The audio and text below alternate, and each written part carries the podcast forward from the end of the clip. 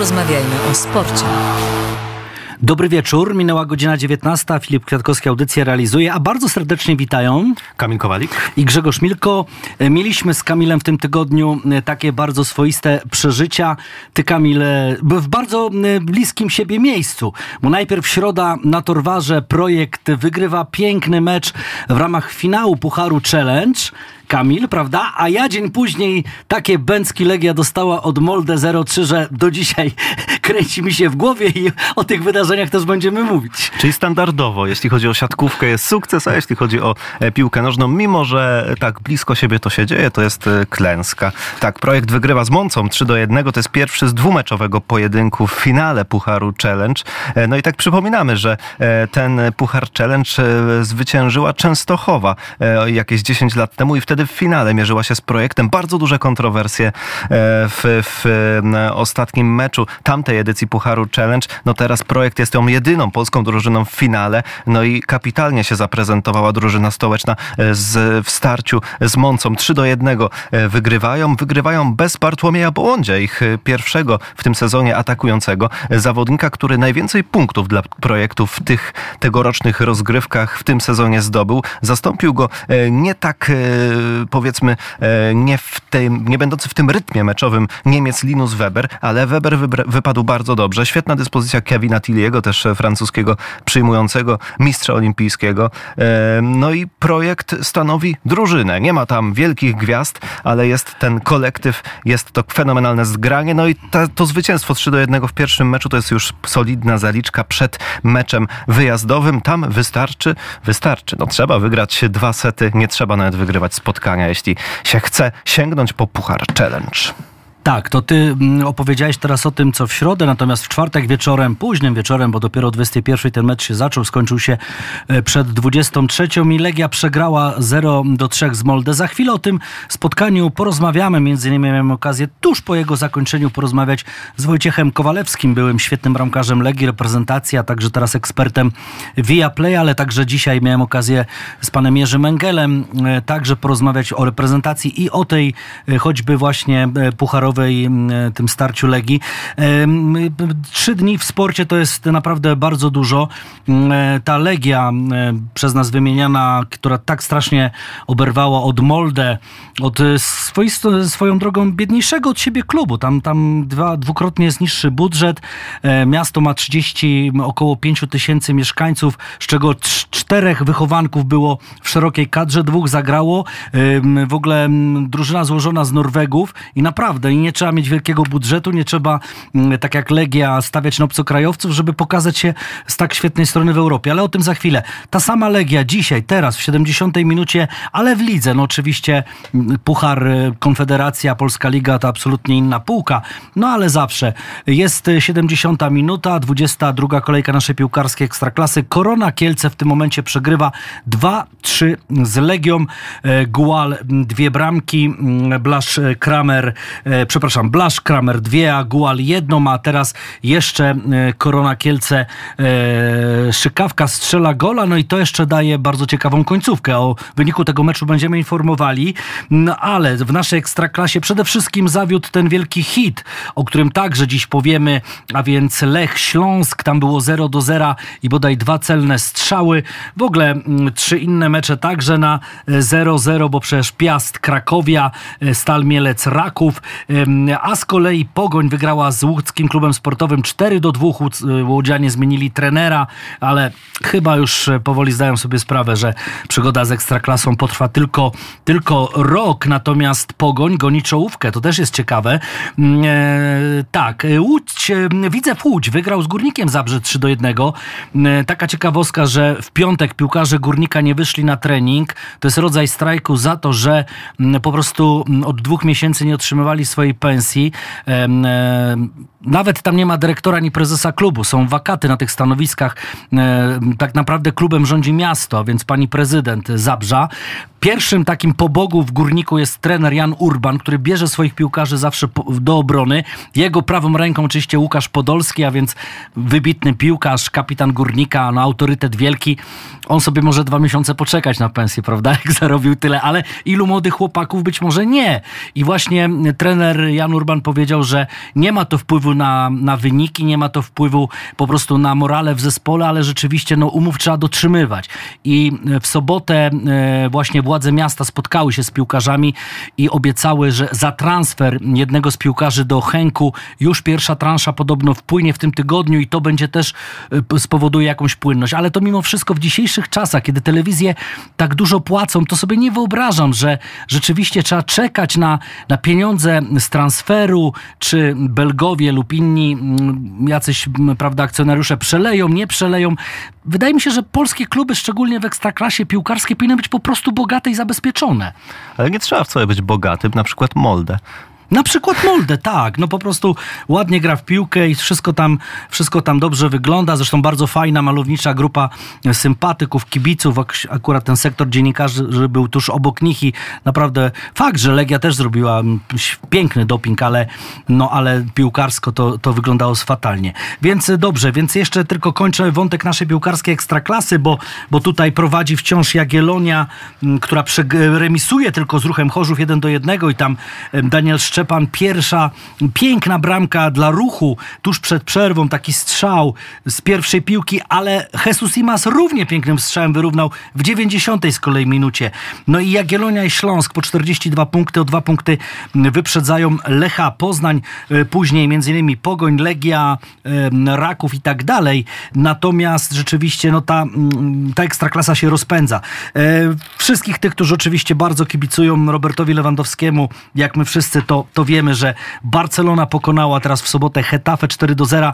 Lewandowski gola nie strzelił, ale ma bardzo dobrą prasę po tym, co stało się e, w środę w Lidze Mistrzów i po tym, jak tak naprawdę to on e, był twórcą no, dobrego wyniku, bo przecież Barcelona zremisowała na wyjeździe z Napoli 1 do 1. Lewandowski strzelił tam gola i e, hiszpańska prasa wreszcie zaczęła o nim pisać pozytywnie po tym dłuższym czasie, gdzie go krytykowała, że widać, że jest przywódcą, że widać, jak on przemawia do tych młodych piłkarzy, jak on ich ciągnie na boisku. On i Gindogan po prostu robią świetną pracę w Barcelonie i to się przekłada na wyniki. To się przekłada na to, że no, praktycznie są w lepszej sytuacji od Napoli przed rewanżem, że naprawdę w lidze ostatnio same zwycięstwa mm, i, i też taki głos słyszałem, że być może jak trener Szawi powiedział, że po prostu kończy, to, to też się może coś odblokowało. Nie chcę powiedzieć, że akurat on był tym czynnikiem, który dostarczał złe emocje z kolei w Barcelonie i złe wyniki, no ale rzeczywiście coś tam się porobiło. My się cieszymy, że Lewandowski jest w formie, bo przecież lada moment mamy mecze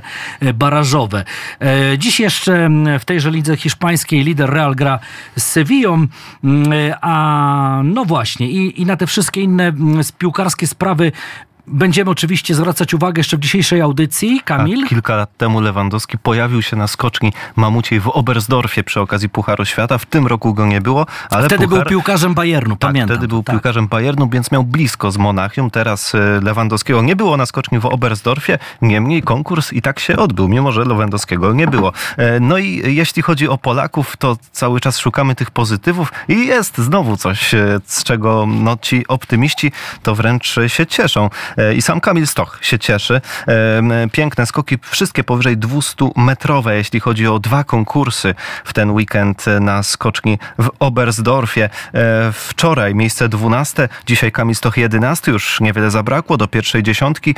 221,5 e, metra w drugiej serii, w pierwszej 219. Dalekie próby, ładne technicznie. No i najważniejsze, to co najbardziej cieszy, choć może to dość infantylne, ale cieszy rzeczywiście radość Kamila Stocha, której od dawien dawna, od kilku miesięcy nie było widać na jego twarzy. Po skoku Kamil e, naprawdę no, są te tak zwane cieszynki. Wychodzi niemal, niemal z siebie, ciesząc się tym, że potrafi znowu daleko skakać. Zapytany przez Eurosport Stoch po swoim drugim skoku, czy rzeczywiście coś się zmieniło w technice u Stocha, no usłyszeliśmy, że tak, owszem, e, pozycja najazdowa od samego początku, już od momentu odepchnięcia się od e, belki startowej, wszystko to wygląda inaczej teraz u Kamila Stocha.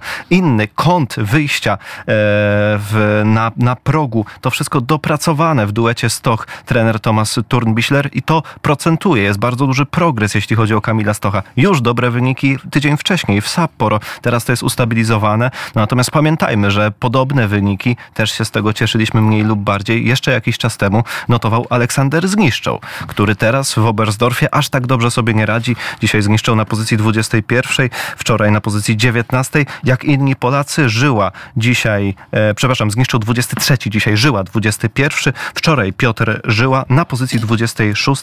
Kubacki dzisiaj nie przebrnął przez kwalifikacje. Krótki skok, no i te kwalifikacje, w których były warunki bardzo, bardzo no, zmieniające się jak w kalejdoskopie, bardzo trudne, nieraz przerywane. Kubacki długo czekał na swój skok. W końcu trener mógł machnąć e, flagą. Kubacki ruszył i niestety nie dość, że skok był krótki, to jeszcze tej próby Dawid Kubacki nie ustał. Wczoraj Kubacki 39, także weekend do zapomnienia, jeśli chodzi o Polaka. Jeszcze cofniemy się do pierwszego z konkursów, bo mieliśmy konkurs duetów e, w Oberstdorfie. Tam Polskę reprezentowali Aleksander Zniszczał i Piotr Żyła. Zamieliśmy, zajęliśmy miejsce piąte, czyli najlepsze, jeśli chodzi o wszystkie drużynowe konkursy, czy też konkursy duetów w tym e, sezonie Pucharu Świata.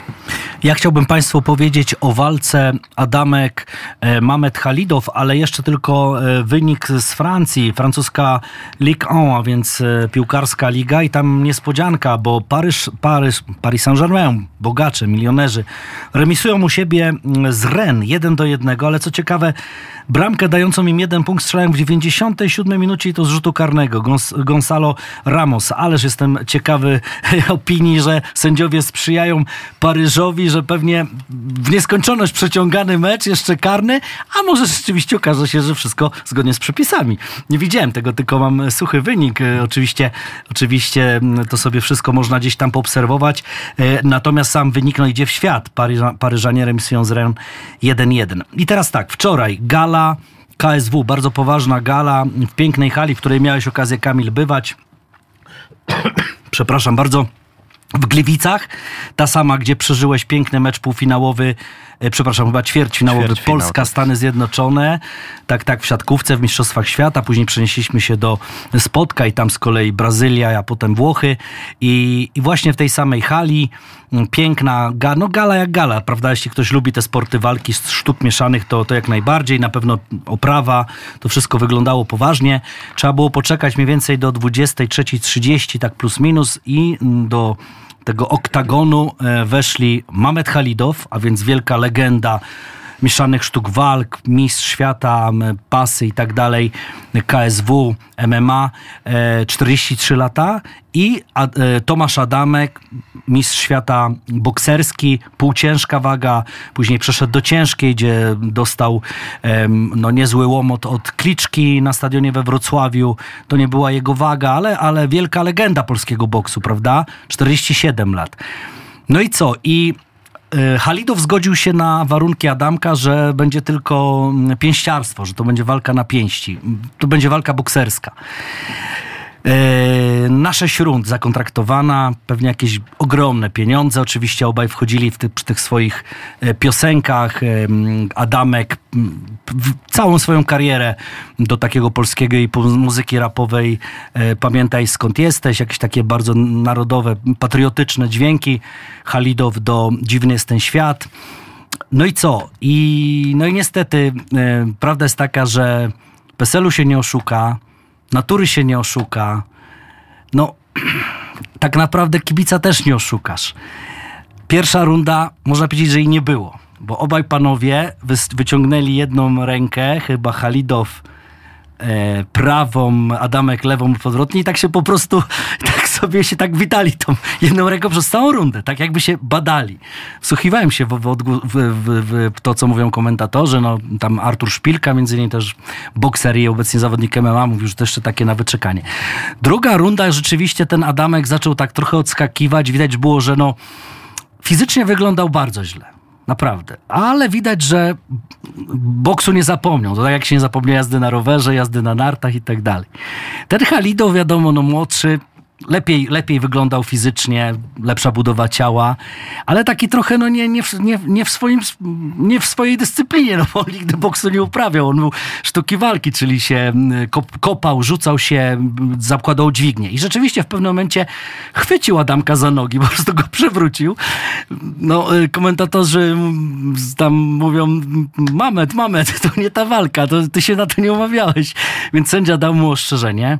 No i trzecia, trzecia runda. Już, już rzeczywiście było widać, że ten Adamek, no w zasadzie widać było, że ma kelnera, no, że, że to jest trochę tak, że Halidow oczywiście no, wielki szacunek, ale, ale no to, to no nie był nigdy pięściarzem, więc ten Adamek tak skakał, skakał koło niego, trochę go tam badał tą, tą, tą prawą, lewą ręką, nie było żadnego takiego mocnego ciosu i w przerwie trzeciej rundy Halidow e, zaczął po prostu, widać było, że bardzo cierpi, że, że ma problem z ręką, ściągnięto mu e, prawą rękawicę, okazało się, że ręka jest spuchnięta. Prze, przez to takie przywitanie. Przez to przywitanie, przez to takie właśnie, a jeszcze Artur Szpilka powiedział, że dobrał źle rękawice, że powinien dobrać rękawice takie bardziej pod boks, a on dobrał takie bardziej cienkie do e, sztuk walk e, mieszanych, a, a tutaj jednak no, to był pojedynek pięściarski. Rzeczywiście trochę mówił, że, że gdyby miał inne, być może tej kontuzji by nie było. No niemniej jednak werdykt oczywiście zwycięstwo Adamka.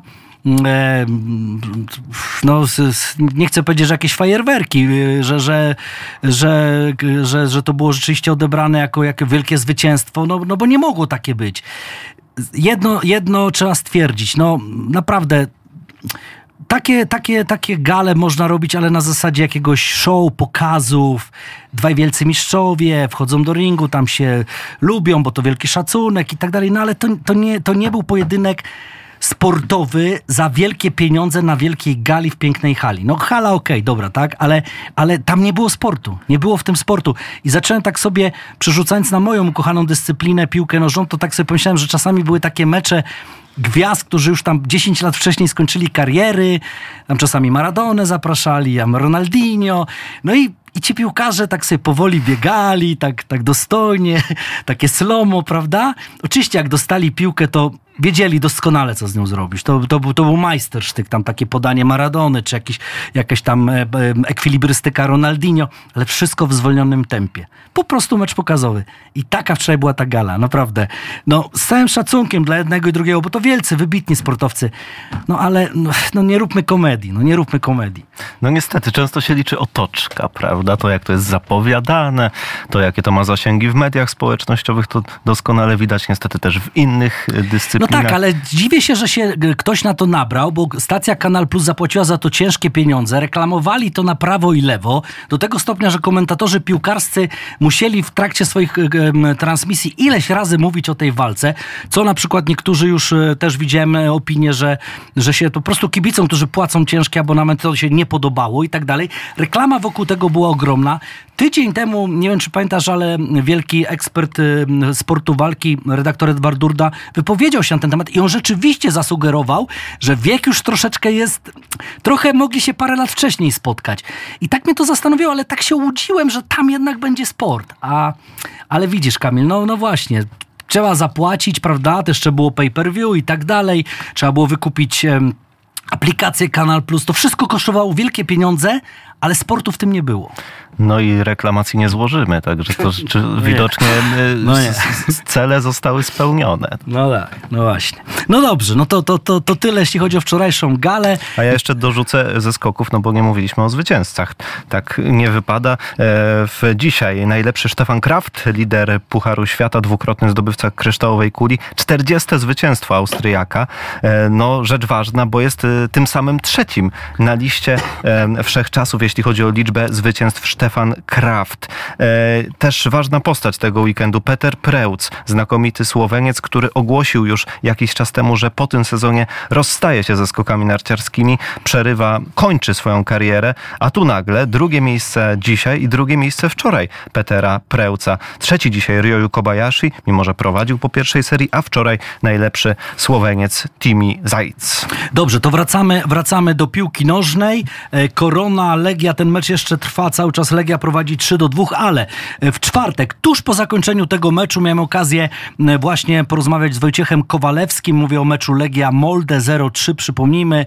Fatalnie to wyglądało. Świetni kibice, naprawdę oprawa. To wszystko, sektor, gdzie było 8 tysięcy dzieci na tak zwanym sektorze Żyleta, bo ona była ukarana, przeniosła się na drugą stronę. Tam jeszcze te, ta, ta, ta, taka gierka z, z oprawą pod kątem UEFA i tak dalej, i tak dalej, ale, ale te dzieci były i te dzieci po prostu widziały Legię w, fatalnej formie. No, być może, być może ktoś im, być może ktoś im przekazał, że ta druga drużyna w tych niebieskich koszulkach, ta Molde, to ładnie gra w tą piłkę i uczy się, jak się gra w piłkę właśnie od Norwegów, dzielnych wikingów z Norwegii. No ale Wojciech Kowalewski, a więc też ten, który e, przede wszystkim był piłkarzem, był bramkarzem Legii, był bramkarzem oczywiście także Szachtara Donieck, no i długie lata Spartaka Moskwa, reprezentacji Polski, teraz jest komentatorem Via Play. On ma rzeczywiście mm, swoje spostrzeżenie i jako były legionista, ale też po prostu jako ekspert, jako ktoś, kto się absolutnie na piłce nożnej zna. E, właśnie Wojciech Kowalewski mm, podzielił się z nami e, swoją, swoimi spostrzeżeniami. Posłuchajmy. Stało. No, trudno znaleźć jednoznaczną odpowiedź. E, Legia po pierwszym spotkaniu, szczególnie w drugiej połowie, pokazała odpowiednią reakcję i to, że jest w stanie jakby przełamać moc przeciwnika, a przede wszystkim wykorzystać swoje atuty ale dzisiaj mieliśmy jakby ten kolejny etap e, tej, tej gonitwy, która Legia sama sobie zafundowała, a w efekcie już od pierwszych minut e, no, niewytłumaczalna utrata koncentracji i ponownie błędy indywidualne z konsekwencją właśnie w, w utracie bramki. Ale zobacz, mija tydzień, pewnie nie jedna odprawa, e, treningi, e, analizowanie pierwszego meczu. Wszyscy wiedzieli, że ten Guldbrandsen to jest naj, najgroźniejszy piłkarz, skoro dwie bramki strzelił w pierwszym meczu i tak dalej. Co się może stać w głowach piłkarzy mega zawodowych, tak, świetnie opłacanych, którzy wychodzą i w drugiej minucie tracą koncentrację. Ja tego nie rozumiem. Znaczy, raczej nie, nie doszukiwałbym się tutaj problemu w jakości przeciwnika, bo e, ta jakość była e, znana, e, analizy przeciwnika również to wskazywały. Ten zespół, zespół Molde potwierdzał to w wielu spotkaniach w tym sezonie.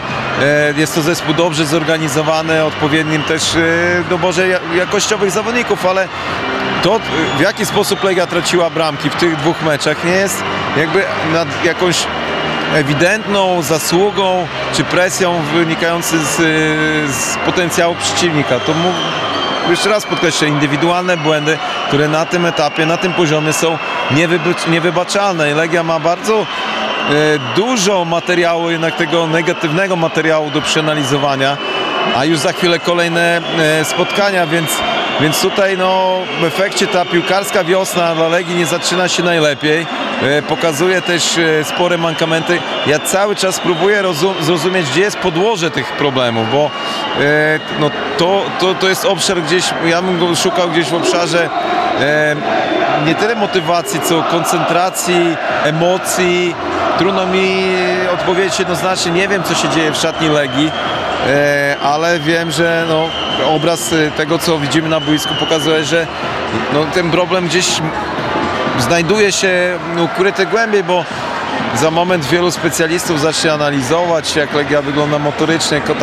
Te wszystkie elementy z czegoś się biorą, tak? Motoryka też jest uzależniona od emocji, a jednak tych takich błędów indywidualnych jest zbyt dużo i one mają miejsce w pierwszej połowie, w pierwszych połowach meczu, więc tu nie może być mowy też o, o jakimś e, braku energii, bo jeśli Legia umie przełamać spotkanie w kolejnej fazie, to jednak E, te zasoby motoryczne gdzieś się tam e, ukrywają mimo wszystko. Ciekawą rzecz powiedziałeś, bo wczoraj Lewandowski powiedział po meczu, dobrze czuliśmy się fizycznie i on to czuł na boisku i rzeczywiście ta Barcelona wczoraj lepiej zagrała od Napoli. Czyli, czyli ta fizyczność, plus pewnie ten, ten mental, plus to, co w szatni, o czym my nie wiemy, to wszystko składa się na wynik. E, oczywiście, ale sfera emocjonalna jak najbardziej, bo zauważmy, co się stało w przypadku e, Barcelony, gdzie po informacji, że z końcem sezonu trener e, zakończy swoją współpracę i on to sam podkreślił, że od tego momentu Barcelona zdobyła 12 punktów więc, więc y, są jakieś takie bodźce, które przełamują sytuację. Czy Legia będzie w stanie e, znaleźć to rozwiązanie, wygenerować ten bodziec, czy też znaleźć ten problem, e, gdzie, gdzie on jest ukryty. No trudno w tej chwili e, odpowiedzieć na to pytanie. Ale on w rzeczywistości jest, bo Legia nie tylko w europejskich pucharach w tej piłkarskiej wiośnie, ale również w rozgrywkach ekstraklasy, no nie przekonuje, tak? To ostatnie spotkanie tu przeciwko Puszczy Połomice to też e, była trochę taka e, takie generowanie problemów na własne życzenie. No, gra poniżej swoich możliwości. Nie powiedziałbym, że zlekceważenie przeciwnika, bo Puszcza e, była zespołem też dobrze zorganizowanym w defensywie, świadoma swoich możliwości, ale też skuteczna i konsekwentna. A Legia trochę bijąca głową w mur bez, bez przekonania i to jest e, jak patrzę pod tym kątem na ten zespół, E, no to tam mi brakuje iskry, takiego sygnału. Tutaj e, w pierwszym meczu z Moldem mieliśmy takie przyłamanie, nie wiem co się wydarzyło w szatni, ale widzieliśmy efekt na, na boisku. No, Legia, czterech piłkarzy weszło po przerwie. to jest, to jest właśnie, to był ten bodziec, akurat, który wtedy zadziałał e, i, i to zmieniło grę. Dzisiaj już pierwsza minuta zburzyła cały plan taktyczny trenera na, to, na ten mecz. I tutaj trzeba było to wszystko budować e, od nowa. Reakcja, reakcji nie było tak naprawdę, tak? Legii przytrafiały się kolejne błędy, mimo tych prób przy, e, przyjęcia inicjatywy, stwarzania jakichś takich e, pojedynczych sytuacji, szczególnie no, zauważmy, że Paweł Szołek e, zameldował się ofensywnym działaniem dopiero w ostatnich minutach pierwszej połowy. Też mówiło się o tym, że nie do końca w pełni sił występował w tym spotkaniu e, i to też trzeba brać pod uwagę, ale ostatecznie no, Legia no, nie, nie, nie wykorzystała swoich atutów w pierwszej połowie. No tak, jeszcze ta zmarnowana sytuacja przez Guala, też inaczej by się schodziło do szatni 1 do 2, ale powiedziałeś... Trudno powiedzieć, my że mówimy- Gual ją zmarnował, to raczej Petersen doskonale obronił w tej sytuacji. Ale mówimy Legia, Legia, ale może personalnie e, po prostu trzeba parę nazwisk wymienić, nie wiem, no może Rosołek siedzi za długo na ławce, może Jędrzejczyk powinien grać w pierwszym składzie, E, blok obronny Legii no, no pozostawia wiele do życzenia, nie wiem, komentowałeś ten mecz, wymieniałeś te nazwiska, powiedz personalnie, po nazwiskach, bo ja na przykład patrzyłem na, na Josuę, bardzo lubię tego piłkarza, ale też dzisiaj nie był pod grą. Znaczy, Josue y, jest y, zawodnikiem, który kreuje grę Legii, ale jego skuteczność jest w dużym stopniu uzależniona od aktywności partnerów. Y, I dzisiaj te aktywności, y, ona była wybiórcza, a tych zawodników aktywnie ofensywnych, w momencie kiedy Josue jest przy piłce, musi być zdecydowanie więcej, żeby akcja miała swoją płynność i dynamikę. To pokazywali chociażby goście w dzisiejszym spotkaniu, kiedy e, Erkim e, dochodził do piłki, momentalnie 3-4 zawodników uaktywnia się, zmienia pozycję i wtedy pojawiają się e, opcje. Legia to demonstrowała jesienią, na wiosnę tego nie widać.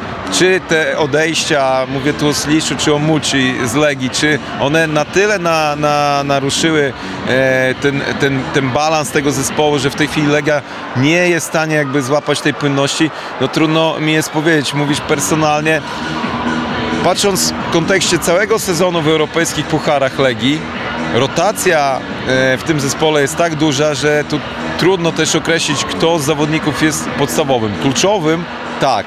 I tu możemy właśnie wymienić Zożu- Zożułę, Zo- e, przepraszam, Elitim, Tobiasz e, również, ale tak, defensywa to jest no, ja już, no, Ribeiro jest jakiś, takim stałym elementem.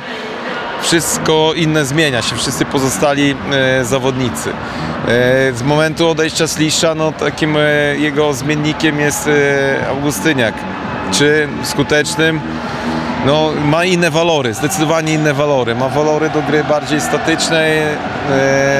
Slisz Bartek był bardziej zawodnikiem dynamicznym. Objętość pracy przez niego wykonana, wykonywana na boisku jest, jest olbrzymia. Więc, więc tutaj no, tych No, czy- Wojtek, o jednego piłkarza muszę cię spytać i ty masz cywilne prawo e, odpowiedzieć, bo sam byłeś świetnym bramkarzem. Jak oceniasz swego młodszego kolegę, gdzieś tam następcę po iluś pokoleniach, powiedzmy, Kacper Tobiasz? Czy on cię przekonuje w bramce, czy on jest pewnym bramkarzem? To jest na pewno zawodnik o bardzo dużym potencjale, ale ostatnie mecze pokazują, że jednak coś się e, dzieje niedobrego. I również e, wrócę tutaj do, jakby do, do opinii, którą wypowiadałem po spotkaniu, pierwszym spotkaniu e, z Molde. No ja bym szukał tutaj rozwiązania w postaci e, jakby zmiany bodźców, jeśli chodzi o tego zawodnika, bardziej wprowadzeniu go, danie mu możliwości jakiejś regeneracji, bo coś, trudno mi powiedzieć co to jest, ale mam wrażenie, że ten zawodnik nie reaguje tak jak, e, jak, jak demonstrował to w innych meczach, chociażby jesienią i to nie pozwala mu pokazać po- tego dużego potencjału, który de facto posiada i e, no, te sytuacje, w których Legia traci bramki, no w każdej z tych sytuacji Kacper Tobiasz mógł się zachować lepiej. Dlaczego e, podejmuje takie inne decyzje? Nie wiem, ale ja osobiście raczej bym szukał po takim spotkaniu pierwszym e, w Molde, szukałbym możliwości dania mu odpoczynku, regeneracji. Oczywiście łatwo jest mówić jakby z dystansu, nie znając pewnych innych czynników, e, jeśli one tak są w ogóle, ale ewidentnie mam wrażenie, że Kasper Tobiasz przychodzi pewien kryzys e, takiej kumulacji tych wszystkich e, emocji i doświadczeń, które zdobywał w ostatnich miesiącach, bo tego było naprawdę dużo.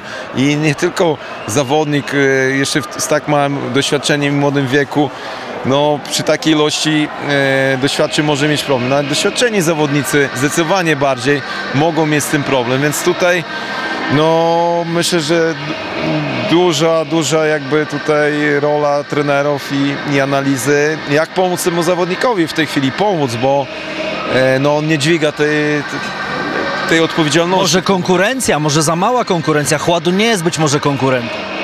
No nie sądzę, no Chładon też e, pokazał w tym e, sezonie, że, że można na niego liczyć i myślę, że, że jeszcze dostanie szansę w tym, w tym sezonie również jest pełnowartościowym e, członkiem tego, e, tej drużyny i ma prawo jakby tutaj liczyć e, no, jeśli, jeśli wszystko jest ok w procesie treningowym, w pracy, w zaangażowaniu, to, to nie wierzę w to, że, że no, sztab trenerski nie skorzysta z takiego zawodnika. E, więc tutaj no, nie powiedziałbym, że tu nie ma konkurencji. No, pozycja, jakby eksponowanie Tobiasza w ostatnim czasie jest tak. E, tak zauważalne mocno. Oczywiście wynika to też ze strategii klubu i się wcale temu nie dziwię, ale też trzeba wziąć pod uwagę, że czasami no, może przydałaby się jakaś pauza. Dziękuję Ci bardzo, Wojtek. To powiedział mm, Wojtek Kowalewski, popularnie nazywany Gibonem. Rzeczywiście jak Gibon poruszał się w bramce, kiedy, kiedy był bramkarzem świetnym zresztą Legii Spartaka Moskwa, też swego czasu Groklinu Grodzisk e, Wielkopolskiej reprezentacji Polski. E, Jedna rzecz, Kacper Tobiasz e, stał się obiektem ataków, memów, ale też takich ataków bezpardonowych w mediach społecznościowych. Nie tylko on, ale i jego rodzina za ten mecz właśnie przeciwko Molde. To jest coś strasznego. Jak można w ogóle mieszać sport do, do, do grożenia rodzinie, do, do, takich, e, do takich rzeczy, które po prostu no, nie powinny się nawet komuś w głowie tlić. E, Okej, może zawalił, jest młody, ma 21 lat, może nie ma konkurencji, może jeszcze jakieś są inne mm, względy. E, Trzeba dać mu szansę, trzeba poczekać, ale na pewno nie atakować jego i rodziny. To jest coś, coś strasznego, co po prostu budzi obrzydzenie, bo tylko, bo tylko tak to można powiedzieć. E, Legia, ten mecz, o którym mówiłem Państwu w, w Kielcach z Koroną wygrywa. O, przepraszam, 3-3, ależ tam się działo. Tak, kończy się remisem 3 do 3. Zaraz Państwu opowiem o szczegółach, ale już teraz mamy połączenie z Poznaniem, a przy mikrofonie, przy, przy telefonie jest Piotr Łuczak, głos Wielkopolski, reżyser zarazem filmu o Mirosławie Okońskim pod tytułem Okoń. Witaj serdecznie Piotrze na naszej antenie. Cześć Grzegorz, dobry wieczór Państwu, witam serdecznie. Pierwotnie umawialiśmy się, że zaczniemy od meczu Lech Śląsk, ale jak sami stwierdziliśmy, nie działo się tam nic. Co, co było nudniejsze? Czy, czy walka Adamek Halidow, czy mecz em, Lech Śląsk? No to chyba jest pytanie otwarte. Tak, no właśnie też przysłuchiwałem się waszej, waszej audycji wcześniej i, i sobie pomyślałem, że, że to takie widowiska dosyć e, podobne do siebie. Michael Buffer, który zapowiada walki bokserskie, zawsze mówi let's get ready to rumble, czyli e, przygotujmy się na grzmoty, no i tych grzmotów e, nie było, tak jak mówiłeś, ani, ani w walce, ani w Poznaniu. Tak, w Poznaniu chyba dwa tylko cenne strzały. Chociaż trener Jacek Magiera powiedział, że on się z tego remisu cieszy, no trudno się mu dziwić. Po dwóch porażkach z rzędu Śląsk wywozi no, z gorącego terenu bułgarskiej em, taki, taki remis, no to zawsze rzeczywiście e, Śląsk na pewno e, cieszy. Piotrze, e, jesteś reżyserem filmu o wybitnym polskim piłkarzu. Być może też Wiadomo, e, ci piłkarze w tamtych czasach, ja się na nich wychowywałem, ty pewnie też, e, oni mieli utrudnione zadanie. Nikt ich nie puszczał do klubów zachodnich, zagranicznych, kiedy mogli wyjeżdżać w swoim najlepszym czasie i mogli grać w największych firmach. Tak się nie działo i tak Mirosław Okoński wyjechał do HSV Hamburg, gdzie został królem, a później jeszcze do EK Ateny, gdzie także zo- zdobył mi- Mistrzostwo Grecji i grał świetnie. Mój wielki idol mojej młodości, Włodzimierz Ciołek z Wałbrzycha, na przykład nie miał takiej możliwości, nikt go nie chciał puścić. Wiem, że Ryszard Tarasiewicz wyjechał za późno, Dziekanowski też nie do tego klubu i tak dalej, i tak dalej. Już nie mówię o klasyka, no to jest Dejna do, za późno do Anglii, prawda? Ale Dokładnie, tak, dokładnie. to były takie czasy, to byli rzeczywiście piłkarze absolutnie wybitni o takich, o takim, takim trudnym, trudnym czasie. Ale chciałbym z ciebie spytać właśnie, jak podchodziłeś do filmu o Mirosławie Okońskim? Co chciałeś tym filmem przekazać? Też młodszemu pokoleniu, które być może nie pamięta wielkiego, genialnego Mirosława Okońskiego i też no, nam, takim starszym, którzy rzeczywiście tego Okońskiego absolutnie no, uwielbiali.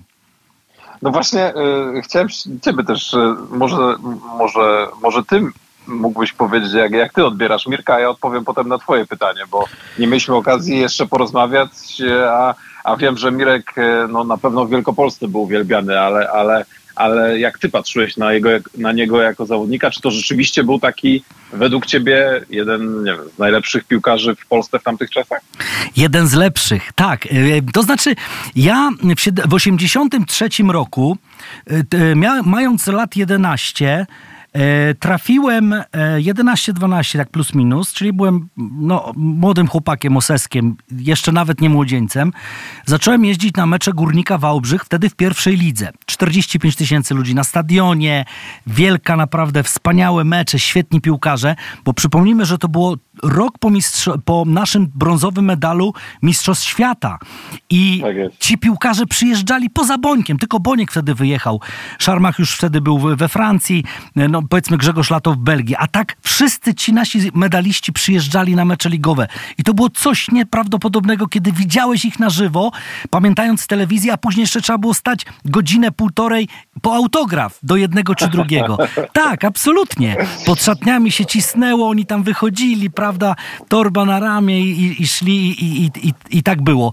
I ja pamiętam taki mecz. My oczywiście Mirosława Okońskiego na mundialu nie było, czyli on już powiedzmy, no nie był, był gwiazdą, ale może no nie tak spektakularną jak, jak Buncol wtedy, jak Smolarek, prawda, jak nie wiem, Janas, no bo to byli ci nasi medaliści.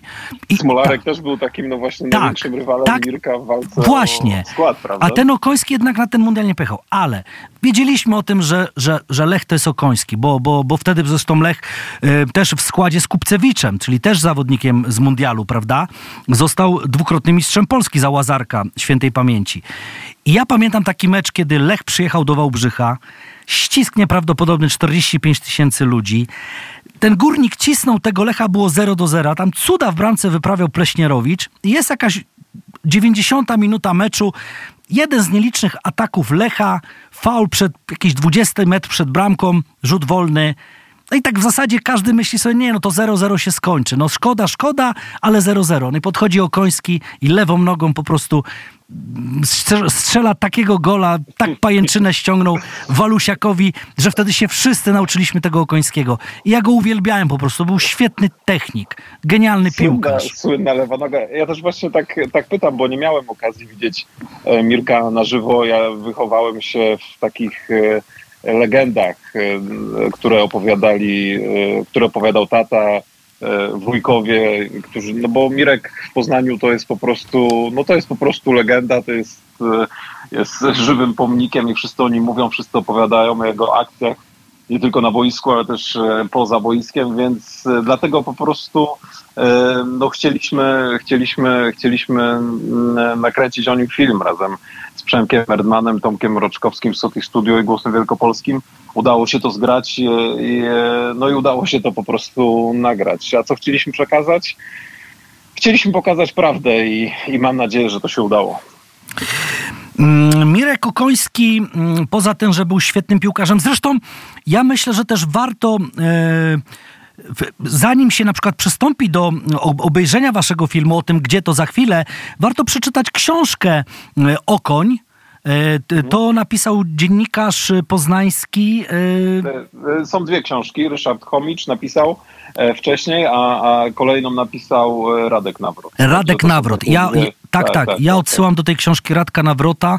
Miałem okazję być na premierze tej książki z autografem od, od Mirosława Okońskiego.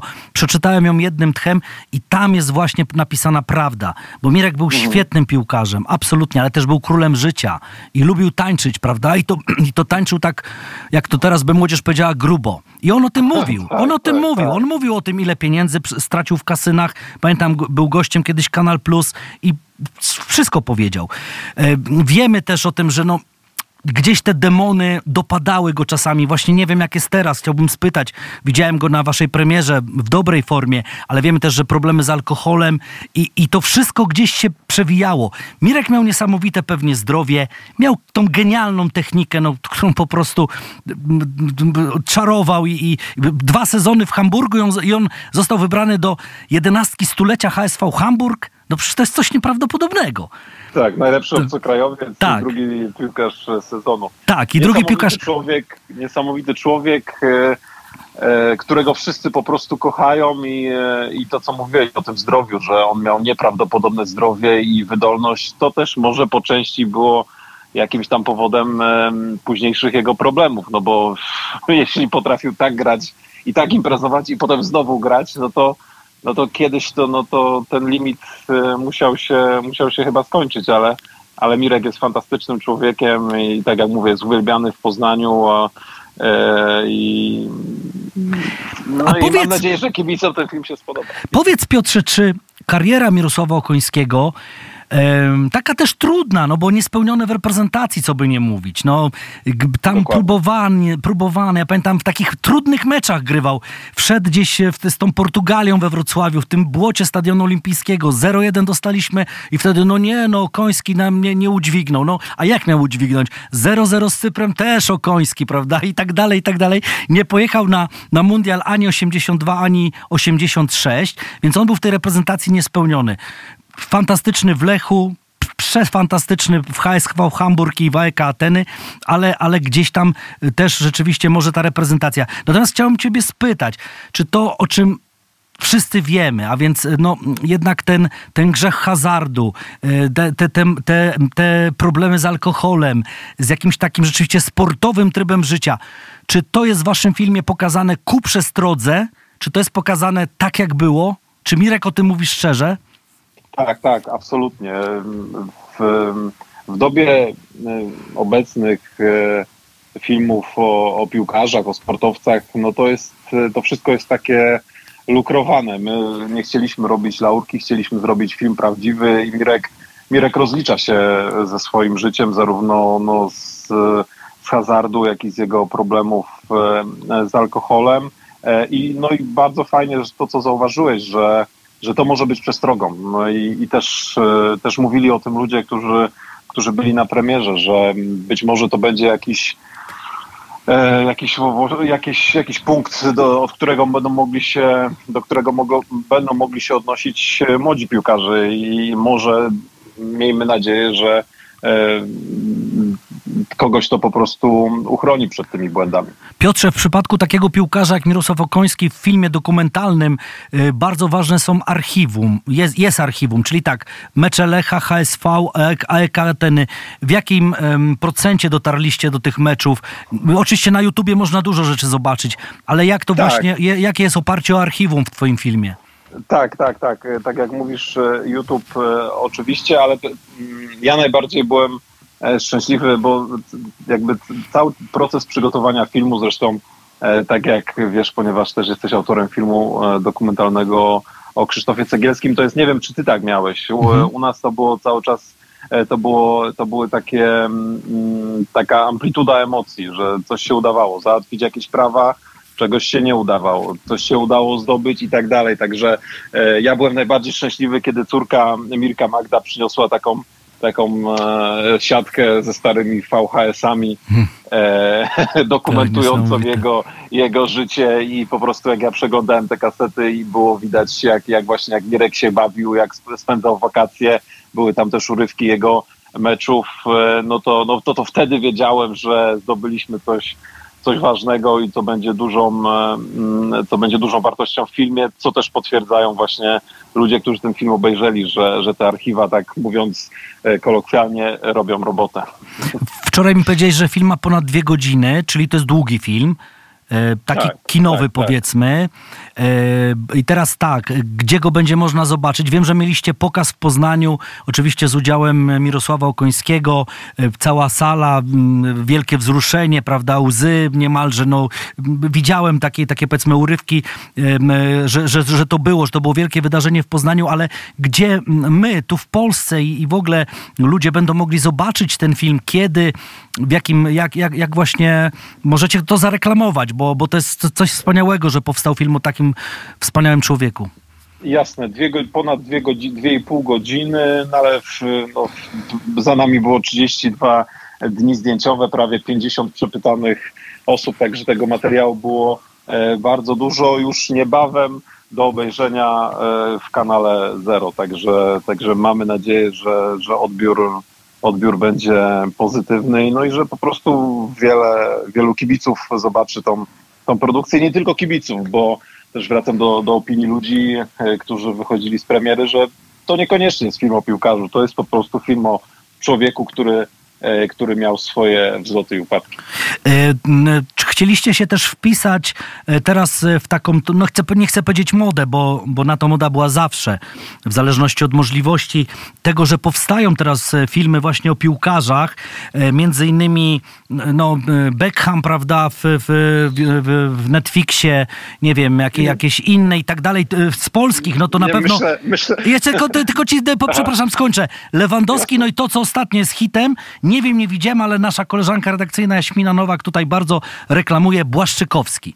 Czy- Tak, nie, tak się, tak się zaśmiałem, ponieważ e, kiedy ja pomyślałem o tym filmie, czyli w 2016 roku, to tak naprawdę filmów dokumentalnych o polskich piłkarzach to nie wiem, no, był film o Kazimierzu Dejnie z tego co pamiętam, No i potem długo, długo nic. Także e, mm, co prawda my nasze zdjęcia zaczęliśmy we wrześniu 2021 roku, e, więc od, od pomysłu do rozpoczęcia realizacji niestety długo nam, nam zeszło, więc bylibyśmy już dawno, dawno, dawno przed. Dlatego tak, tak, tak zareagowałem. E, No nie, nie, nie, nie jest to, nie, jest, nie chcieliśmy się wpisywać w modę, chcieliśmy trochę modę wyprzedzać, ale to, to nam się nie udało. To znaczy, wiesz, ja nie chcę mówić o modzie, bo każdy ten film jest y, wartością samą w sobie, bo y, no, z, z przyjemnością można obejrzeć to, jak kiedyś grał już stosunkowo niedawno, a jednak dla niektórych dawno, nie wiem, David Beckham powiedzmy, czy jaka była historia, tragiczna historia Kazimierza Dejny, czy jaka była historia Okońskiego i tak dalej. Sam bym chciał zobaczyć film, nie wiem, o Dziekanowskim na przykład, dlaczego nie? Oczywiście, oczywiście tak, tak, tak. No jest tych postaci w piłce e, naszej m, bardzo dużo i, i to jeszcze właśnie e, to, o czym wspominałeś w tamtych czasach, kiedy no też e, no piłkarze się tak nie oszczędzali. Tak jak, tak Tak. jak teraz wydaje mi się trochę ten tryb życia jest Ale słuchaj, ale mieli wtedy o czym, o- mieli, mają teraz o czym opowiadać, bo Tak, teraz co? dokładnie. Słuchawki na uszach, żel na włosach, do domu, no to nuda, no. Tak, tak, tak, nuda, ale no, no, no tak, co, coś tym jest, coś tym jest. No Mirek, y, Mirek i nie tylko on z jego pokolenia, e, dziennikarze sportowi też to przyznawali w tym filmie, no pff, tak jest takie jedno zdanie, że pff, ktoś, któryś z dziennikarzy mówi, no praktycznie wtedy wszyscy ruszali w miasto, no także. Znaczy tego, tego nie popieramy, ale wiem jedno, że tamta Legia, tamten Lech by sobie nie dali wrzucić Molde 03 u siebie. No nie było takiej możliwości. E, No wydaje mi się, wydaje mi się, że nie, a Mirek spędził fantastyczne dwa lata w Warszawie, o czym też e, opowiadają właśnie dziennikarze e, z Warszawy i sam Mirek i też e, jego koledzy z boiska, także myślę, że dla kibiców Legii e, to będzie, to będzie też e, coś wartego obejrzenia, no bo to były, to były dobre dwa lata dla Mirka pod względem, no na pewno spędzania czasu w Warszawie, sportowo też nie było aż tak źle. Tak, tak, przecież z Legii, z Legii do Lecha później. E, Piotrze, bardzo Ci dziękuję i czekamy z, z niecierpliwością na ten film. Jak tylko będzie taka akcja, że już gdzieś będzie wiadomo o e, terminie, to, to powiedz, my też przekażemy dalej, bo to jest film, który naprawdę warto zobaczyć. Bardzo O- dziękuję, bardzo dziękuję za zaproszenie. Okoń, Okoń o Mirosławie Okońskim. Piotr Łuczak był naszym gościem, reżyser tego filmu, zarazem dziennikarz Głosu Wielkopolskiego. Dziękuję serdecznie. Proszę przekazać najlepsze pozdrowienia dla Mirosława Okońskiego. Oczywiście jutro się z nim widzę, także przekażę. Dziękuję bardzo. Dziękujemy. Dziękujemy serdecznie. Kamilu, obejrzałbyś taki film o Mirosławie Okońskim? No zacieram ręce. E, teraz przejdźmy do tego, co też ważne, bo oczywiście ten film bardzo ważny, ale historyczna rzecz się e, stała. E, wiemy, że od dawien dawna już jest organizowany Puchar Świata w skokach narcia- narciarskich w Polsce, no ale w ten weekend pierwszy raz w naszym kraju został zorganizowany Puchar Świata w snowboardzie alpejskim. E, miejscem zmagań Krynica Zdrój, konkretnie działo się to na Jaworzynie Krynickiej. Dwa konkursy e, w równoległym slalomie gigancie i to były jednocześnie ostatnie konkursy właśnie slalomu gigantów w tym sezonie Pucharu Świata, w związku z, z czym małe kryształowe kule zostały rozdane e, u nas. Jeśli chodzi o Polaków, e, najlepszy Oskar Kwiatkowski i wczoraj i dzisiaj, wczoraj 11, dzisiaj na pozycji ósmej, a więc był w ćwierćfinale Oskar Kwiatkowski. Dawaj, dawaj, rozdawaj te kule, rozdawaj, bo jeszcze mamy Engela do wypuszczenia. Dobrze, to w takim razie kule, no kulek, dobrze, no nie znamy. Ty, dobra, idziemy dalej. Kule czyli Adam. Adam Małysz, Adam pierwszy, Małysz, Adam, Adam Małysz, Małysz. e, czyli jak Adam Małysz, prezes Polskiego Związku Narciarskiego, podsumował ten pierwszy historyczny Puchar Świata w snowboardzie alpejskim w Polsce. Po to, że jest bardzo ciepło, to jednak pogoda dopisała, było słonko. Oczywiście trudności mieliśmy, jeśli chodzi o sam śnieg, bo trzeba było go utwardzić. Praca od, same, od samego ranka, wczesnego poranka w zasadzie. Ja chciałbym ze swojej strony, jako Polski Związek Narciarski, podziękować e, wszystkim pracownikom, wszystkim tym, którzy gdzieś tutaj brali udział w przygotowaniu, te, którzy zabezpieczali, wszystkim sędziom, wszystkim tym, którzy dzieciakom z klubów, które tutaj były, bo bez Was pewnie nie udałoby się tego przygotować. Dziękuję Wam serdecznie. Mam nadzieję, że w przyszłym roku się spotkamy. Już z Panem Ministrem rozmawialiśmy na ten temat, że również chcielibyśmy zrobić przy tym Pucharze Świata w snowboardzie alpejskim również zawody dla dzieciaków, także na pewno Was zaprosimy wtedy. E, no i cóż, e, Oceny z tego co wiem, tego pucharu są bardzo wysokie, nie tylko ze strony FIS-u, ale również wszystkich ekip, które tutaj były, trenerów, zawodników, także nic, tylko robić. Dziękuję jeszcze raz i do zobaczenia, mam nadzieję, w przyszłym roku. To mówił Adam Małysz, źródłem materiały prasowe Polskiego Związku Narciarskiego. No i mogę powiedzieć, Grzegorz się zgodził, kto em, zapracował sobie w tym roku na małe kryształowe kule w konkurencji równoległego slalomu gigantu. Najlepsza z pań była Niemka Teresia e, Holfmeister, a z panów najlepszy był Austriak Benjamin Karl. E, tak, a ja jeszcze chciałem wrócić właśnie do tego m, występu pucharowego Legii. Przypomnijmy, że ten mecz dzisiejszy, Korona Kielce Legia 3-3 w tam w dramatycznych okolicznościach, ale dziś e, mieliśmy okazję porozmawiać z panem Jerzym Engelem, byłym selekcjonerem reprezentacji Polski i najpierw e, rzeczywiście e, o tej, o tej Legii, o tej porażce, jak, jak on jako były trener tego klubu także, ale oczywiście wybitny fachowiec to widzi, ale także o reprezentacji Polski, o tym, co nas czeka ze Stonią. Jerzy Engel, były selekcjoner reprezentacji. Posłuchajmy. Nie przeżyliśmy w czwartek to, co stało się na Łazienkowskiej. Chyba się nikt w najgorszych snach nie spodziewał, że e, można było przegrać z tym Molde, bo to dobry zespół, ale że w takim stylu i, i w takim wyniku 0-3, no, tak kilka dni po tym wydarzeniu, jakie pan ma przemyślenia? Co tam się na tej Łazienkowskiej stało?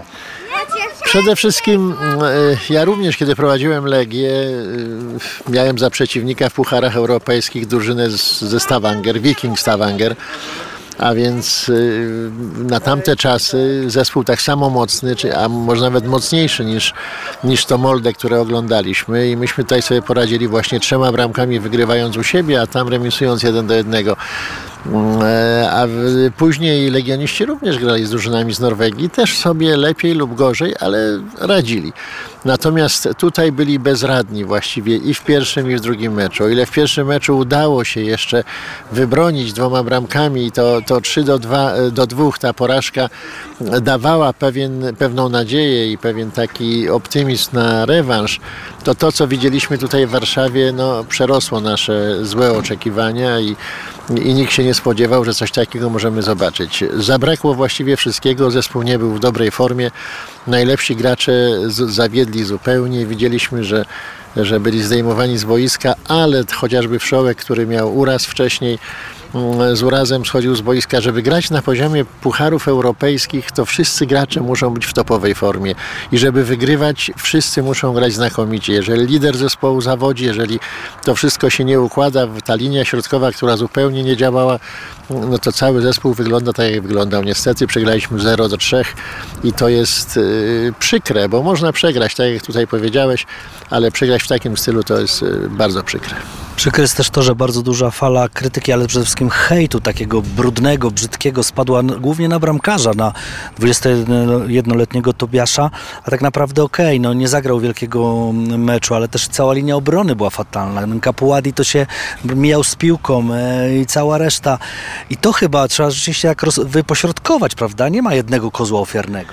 To znaczy najłatwiej się trafia w najmłodszych i to zwykle tak jest, że ten najmłodszy obrywa, no bo jest młody, bo popełnia błędy i tak dalej. Natomiast najwięcej powinno się mieć pretensji do tych najlepszych piłkarzy, do tych tuzów, którzy mają Legię ciągnąć, którzy przyszli do, do, do Warszawy i do Polski kupieni za grube pieniądze i zarabiają tutaj takie mm, pieniądze, które pozwolą im skupić się tylko właściwie na, na treningu i na grze. Tymczasem zawiedli najlepsi. Ja Tobiasza wcale nie winię, że zawinił. Zawiedli najlepsi gracze mm, w zespole i o to do nich trzeba mieć przede wszystkim pretensje. Ja słyszałem taką opinię, że y, jest ten przepis o młodzieżowcu i dlatego ten Kacper Tobiasz gra. Normalnie on by nie, nie grał. Być może Chładun, być może sprowadziłaby Legia kogoś innego.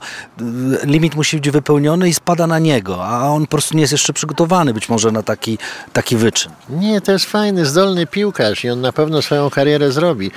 Mm, y, Tylko, że w, w, trzeba czasu na to. To nie jest tak, że on będzie ratował Legię, bo bramkarz to ratuje klub w ostatnim momencie i na, na nim się wszystko skupia. A co robili tych dziesięciu przed nim, którzy nie zatrzymali tych ataków? No więc tak trzeba oceniać mm, tę, tę drużynę, że okej, on nie zrobił takiego błędu w Warszawie, który spowodował, że, że wpadła bezpośrednio bramka. On wybronił coś, potem mu dobijali i tak dalej.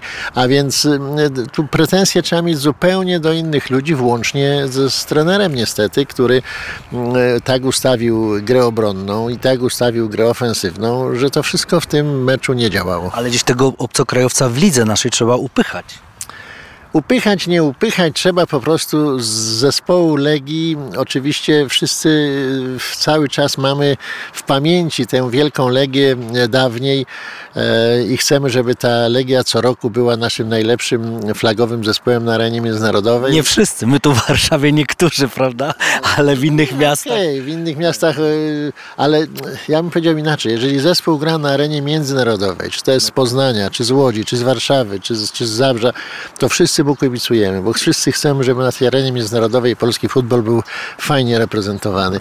Tymczasem tutaj źle się zaprezentowaliśmy. To było przykre, w obu meczach źle się to oglądało i myślę, że wnioski muszą zostać szybko wyciągnięte. Panie trenerze, reprezentacja. Czekają nas mecze ze Estonią, jeden ze Estonią, a później najprawdopodobniej z Walią. No i tak jak rozmawiałem z prezesem Kuleszą, on powiedział, nie, nie miejmy czarnych myśli, myśl, myślmy o tym, że my pojedziemy na te Mistrzostwa Europy. Na czym budować optymizm? No właśnie na tym, co przed chwilą powiedziałeś, że Mistrzostwa Europy, które są tuż za granicą mm, Polski, to jest taki moment, gdzie można właśnie znowu do tej reprezentacji przyciągnąć miliony ym, e, kibiców, że tysiące ludzi wyjadą na te mecze i będzie wielka euforia, że te dwa mecze wygrane mm, e, przez nas, tak jak mówiłeś, z Estonią i najprawdopodobniej z Walią, chociaż Finom nie wolno też za, zabierać od razu tego miejsca, że może pojedziemy jeszcze do Finlandii, ale te dwa mecze zbudowałyby dobrą atmosferę w kraju i dobrą atmosferę wokół reprezentacji. To wszystko by się świetnie odbudowało. Piłkarze też to wiedzą. Oni przecież chcą wygrywać, chcą grać w dobrej atmosferze, chcą mieć duże wsparcie kibica, a więc oni też sprężą się w sposób niewiarygodny. I na tym buduje swój optymizm, że tutaj nie trzeba będzie nikogo specjalnie do tych meczów motywować. Oni będą sami znakomicie zmotywowani, bo przed nimi Mistrzostwa Europy, na których rzeczywiście można się pokazać z dobrej strony. Robert Lewandowski w ostatnim wywiadzie w przeglądzie powiedział coś takiego, że on tak się cieszy, że jest Michał Probierz, bo to jest taka jakby nowa energia dla niego. To co takiego ma Probierz, czego nie mieli powiedzmy ci Portugalczycy? Y, Przede wszystkim kontakt z zespołem, bo się mówi po polsku do zespołu. To jest zupełnie inaczej niż jak ktoś mówi słabym angielskim albo po portugalsku i ktoś jeszcze inny tłumaczy i potem jeszcze to trzeba wszystko przetrawiać. To jest fatalne w szatni. Natomiast jeśli jest kontakt bezpośredni, ja pracowałem za granicą, zdaję sobie z tego sprawę, że będąc na Cyprze musiałem, mimo że płynnie mówię po angielsku i mówiłem do zawodników po angielsku, to musiałem się szybko nauczyć greckiego i musiałem do zawodników mówić po grecku, żeby być dobrze zrozumianym w szatni. Polskiego się raczej żaden z tych trenerów, który tu przyjeżdża, nie uczy. Nikomu się nie chce uczyć polskiego, żeby tutaj dobrze wypadać. W związku z tym to był największy problem. Ja o tym problemie e, wcześniej mówiłem, że polską reprezentację musi Polak prowadzić, bo wtedy ma ten bezpośredni, specyficzny kontakt z zespołem i z każdym zawodnikiem oddzielnie, co jest bezcenne, jeśli chodzi o narodową reprezentację. Jeszcze tak na koniec pytam, czy w reprezentacji, w wyjściowej jedenastce powinni grać, muszą grać, tak jak pamiętam pana reprezentację, ci, którzy grają w klubach, bo w przypadku Piotra Zielińskiego, wracającego po kontuzji Modera, jeszcze paru, to wcale nie jest oczywiste. To nie jest oczywiste. Oczywiście najlepiej jest, jakby wszyscy grali w klubach i byliby w formie meczowej, to wtedy się łatwiej stawia na tych graczy, ale każdy z nas miał takie przypadki, że wstawiał zawodników, którzy tylko trenowali, mniej grali, a w, w reprezentacji spisywali się bardzo dobrze. Czyli wierzymy, że z tą Estonią wygramy, a potem po prostu no, trzeba walczyć. No oczywiście, że tak. Ja w ogóle nie wyobrażam sobie mm, innego scenariusza. Dwa zwycięstwa i jedziemy na fantastyczne Mistrzostwa mm, Europy do Niemiec. To powiedział Jerzy Engel, był selekcjoner reprezentacji Polski. Ja tylko dodam, że Korona Kielce remisuje z Legią 3-3. Dalmao strzela bramkę w 93 minucie, a mnie bronił e, jednak rzeczywiście Tobiasz, a bronił Chładun dzisiaj. Kamil, jeszcze informacja? Zachęcamy do wsparcia Radia Wnet na platformie Patronite. O tym przypominamy i o to wsparcie prosimy. I zachęcam także Państwa, e, by we wtorek o godzinie 21 być z Radiem Wnet. Okrągłe 50. wydanie audycji Czas na Motorsport. Zapraszamy serdecznie. I na koniec taka przykra informacja. Zmarł nasz e, przyjaciel z redakcji sportowej TVP Sport, Leszek Jarosz, wybitny znawca piłki nożnej, historyk futbolu, e, autor encyklopedii Mistrzostw Świata. Wielka, niepowetowana strata. Będzie nam Ciebie, Leszku, bardzo, bardzo brakowało. Dziękujemy za audycję. Porozmawiajmy o sporcie.